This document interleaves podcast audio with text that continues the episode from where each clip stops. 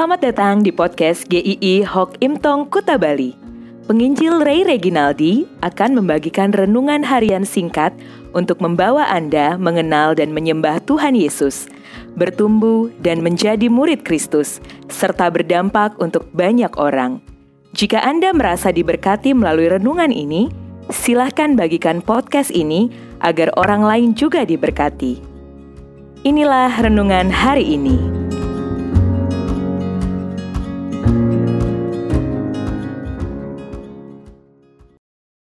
Dipimpin Roh Kudus. Galatia 5 ayat 16. Maksudku ialah hiduplah oleh roh, maka kamu tidak akan menuruti keinginan daging. Zaman sekarang sepertinya orang nyasar kalau cari jalan itu lebih sedikit dibanding zaman dulu. Karena zaman sekarang teknologi sudah sangat membantu kita aplikasi peta membuat kita bisa menemukan tempat-tempat yang kita cari dengan mudah. Ada peta dan suara yang mengarahkan kita ke tempat tujuan. Aplikasi peta itu sudah seperti menjadi kebutuhan penting di dalam hidup kita di zaman ini. Dalam hidup ini, ada kebutuhan juga sebetulnya yang paling utama supaya hidup kita tidak nyasar yaitu kita perlu pimpinan mengikuti tuntunan dari Roh Kudus. Namun sayang, kadangkala pimpinan dan tuntunan dari Allah Roh Kudus ini diabaikan oleh orang percaya. Hidup oleh Roh Kudus dalam terjemahan harafiahnya berarti berjalan bersama Roh.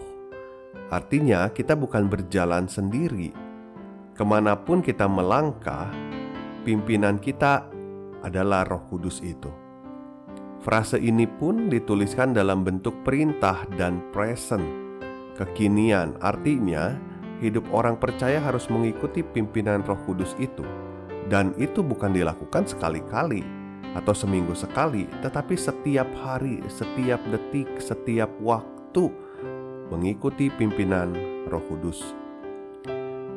Ayat ini sudah didahului penjelasan oleh Rasul Paulus tentang orang yang sudah percaya Tuhan Yesus. Jadi, orang yang percaya Tuhan Yesus adalah orang yang seharusnya mengikuti pimpinan Roh Kudus. Sebaliknya, orang yang tidak percaya Tuhan Yesus tidak akan dipimpin oleh Roh Kudus. Seberapa beda sih hidup menurut daging dan hidup menurut roh? Galatia 5 ayat 19 sampai 21 mengatakan, Perbuatan daging telah nyata, yaitu percabulan, kecemaran, hawa nafsu, penyembahan berhala, sihir, perseteruan, perselisihan, iri hati, amarah, kepentingan diri sendiri, percideraan, roh pemecah, kedengkian, kemabukan, pesta pora, dan sebagainya. Coba kita periksa hidup kita selama ini.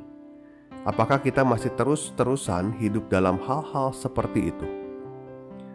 Masih betah terus hidup di dalamnya? Yakin sudah hidup di dalam Tuhan Yesus?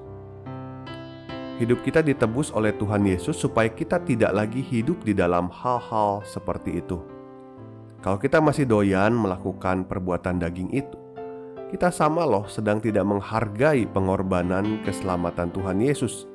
Dengan kata lain, kita menganggap anugerah Tuhan Yesus itu murahan, tidak berharga Ayo berubah, kembali lagi ke jalur yang benar, bertobat, tinggalkan dosa-dosa itu, ikuti lagi pimpinan Roh Kudus.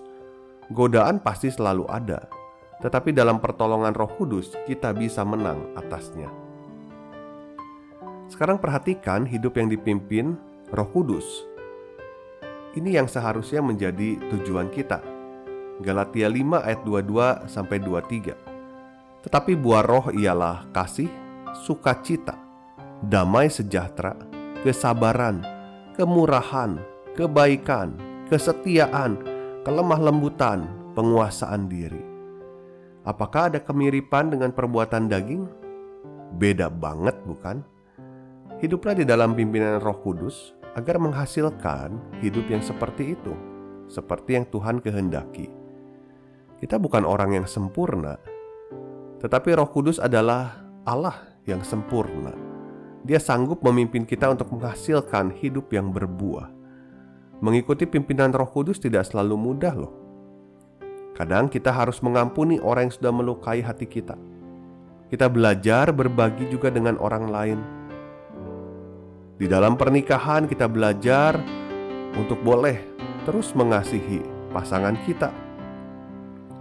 Berjuang untuk tidak melakukan dosa yang selama ini mengikat kita dan masih banyak lagi.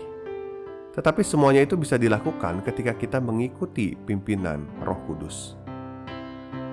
Beberapa langkah penting harus diingat.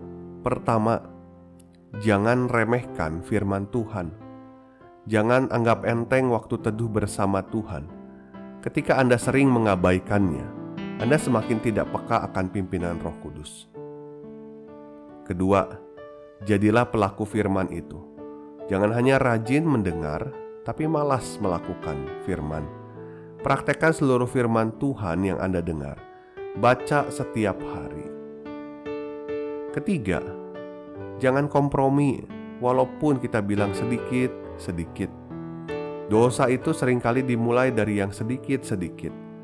Ya, sedikit bohong, sedikit gak setia, sedikit curang, sedikit nonton film porno, sedikit ngomongin orang lain.